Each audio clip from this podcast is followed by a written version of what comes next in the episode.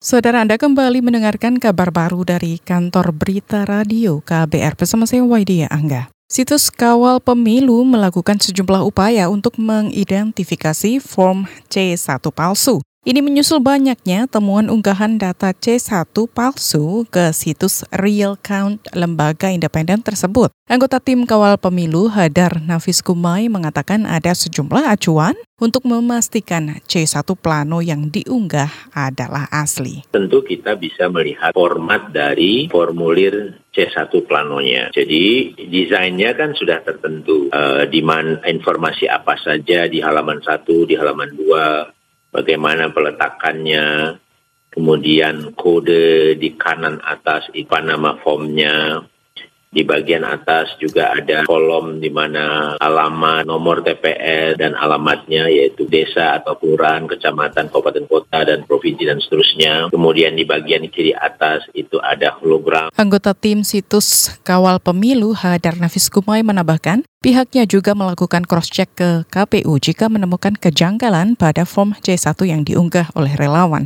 Ex-komisioner KPU ini mencontohkan, di salah satu TPS di Jawa Tengah tertulis ada 500-an pemilih di form C1, padahal jumlah pemilih di TPS maksimal 300 orang. Meski begitu, ia yakin kecurangan pada form C1 sangat minim karena proses rekapitulasinya dilakukan secara terbuka.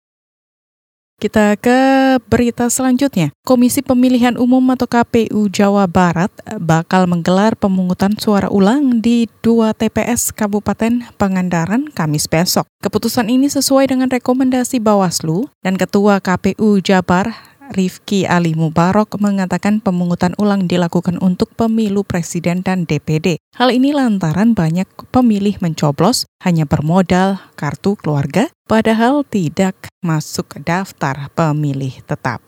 Ada pemilih yang tidak menggunakan KTP elektronik untuk menggunakan hak pilihnya. Jadi bukan keputusan MK itu yang berKTP dan suket Nah, di Pangandaran ditemukan hanya kakak, bermodalkan kakak saja. Itu sudah masuk di DPT atau? Tidak, tidak masuk DPT. Itu.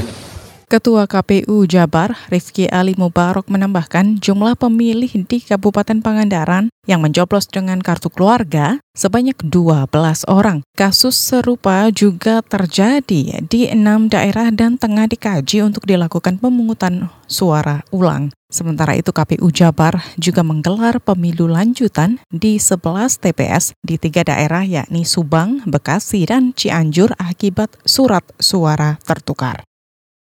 Kita ke berita lainnya, Kementerian BUMN berencana membentuk badan usaha gabungan atau holding penerbangan. Holding baru ini akan dipimpin oleh PT Survei Udara Penas. Deputi Jasa Keuangan Survei dan Konsultasi Kementerian BUMN Gatot Trihargo mengatakan Penas dipilih lantaran perusahaan itu 100% milik negara. Hal ini berbeda dengan Garuda Indonesia yang sudah berstatus perusahaan terbuka. Uh, survei Penas sebagai salah satu opsi untuk holdingnya.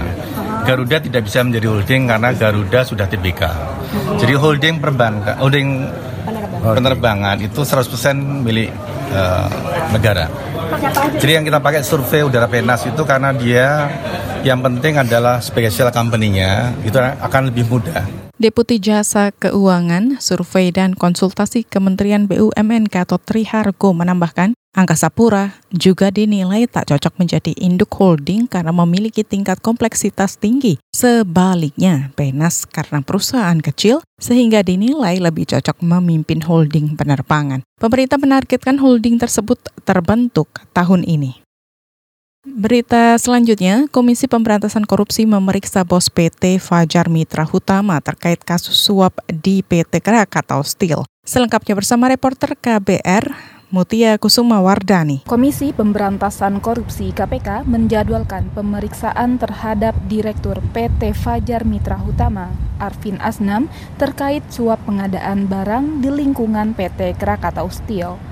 Arvin diperiksa sebagai saksi untuk tersangka penerima suap Wisnu Kuncoro yang merupakan bekas Direktur Teknologi dan Produksi perusahaan plat merah itu. Penyidik Komisi Anti Rasuah hari ini juga memeriksa pihak swasta lainnya, yakni Yusdi Setiadi, Andrea Chandra, Zulhendri, dan Tri M.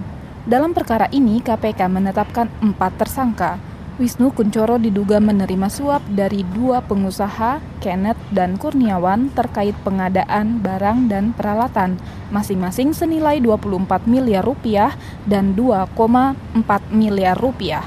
Sementara itu, satu tersangka lain, yakni Alexander Muskita, berperan sebagai perantara suap antara dua pihak tersebut. Dari Gedung Merah Putih KPK Jakarta, Mutia Kusuma mengabarkan untuk KBR. Demikian kabar baru dari KBR, saya Waidia Angga.